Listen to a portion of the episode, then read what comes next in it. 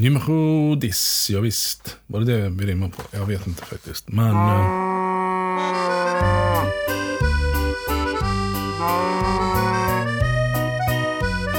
Ostpodden Sommarsnacks.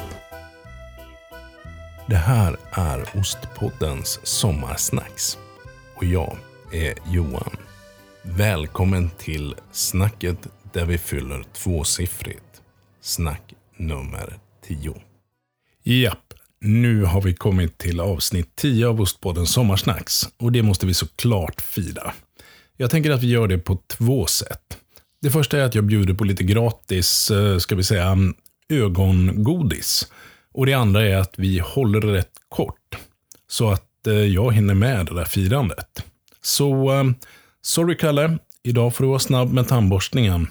Eller skippa tandtråden kanske. Det är ju som så, och det konstaterade jag igår också efter allt ölsnack, att eh, den här podden i grund och botten handlar om ost och allt som rör ost. Bara på de här korta sommarsnacksen har vi ju lyckats täcka in både produktionsvolymer, mikroskopiska svampar, utbildning och eh, definitionen på gårdsmejeri. Till exempel. Och mathantverk, det är ju något jag gärna återkommer till. Eh, det är ju på något sätt där allt har sina rötter. Eller sina något kultiverade rötter i alla fall. Och jag tycker det finns en tjusning med hantverket och småskaligheten.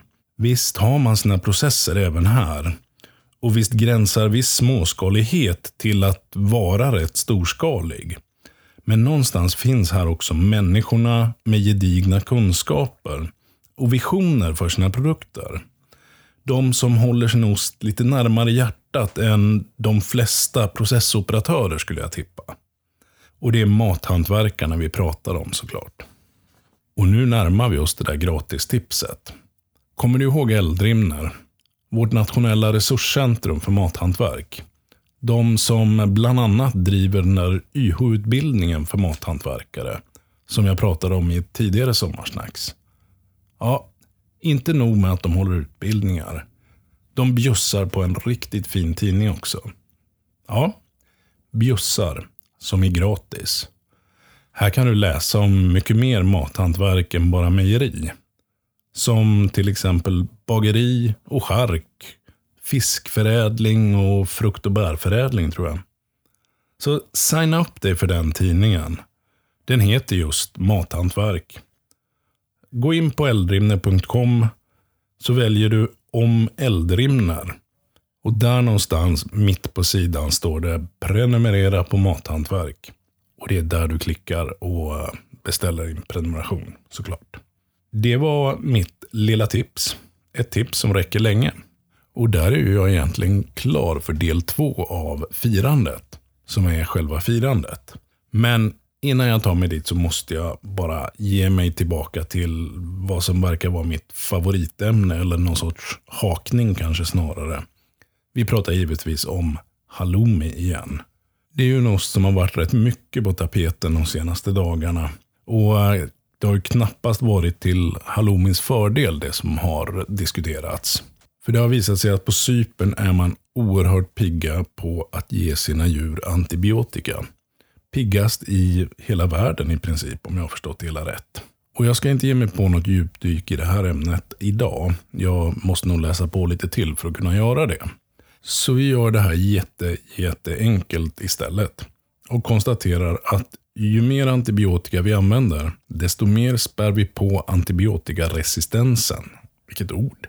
Hos eh, diverse bakterier. Och det är ju att desarmera ett av våra viktiga vapen i kampen mot vissa sjukdomar. Sen finns det djurhållningsaspekter och annat på det här också. Men som sagt, jag eh, gör inget djupdyk utan stoppar där och ger ett tips till. Det är inte gratis och det är inte nytt, men det är bra. Leta rätt på eldost istället för halloumi så får du en hantverksmässigt producerad ost från någon av medlemmarna i Sveriges gårdsmejerister. Eldosten kanske kostar lite mera, men den smakar mycket bättre. För både mun och samvete. Tro mig. Du har lyssnat på Ostpoddens sommarsnacks. Ett nytt snack kommer imorgon. Kan du inte hålla dig tills dess så håll ett öga på Instagram och Facebook också. där hände det möjligtvis någonting redan tidigare.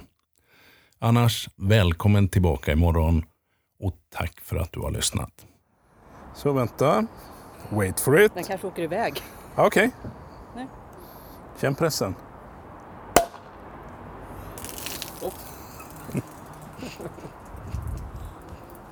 Ostpodden Sommarsnack. Så...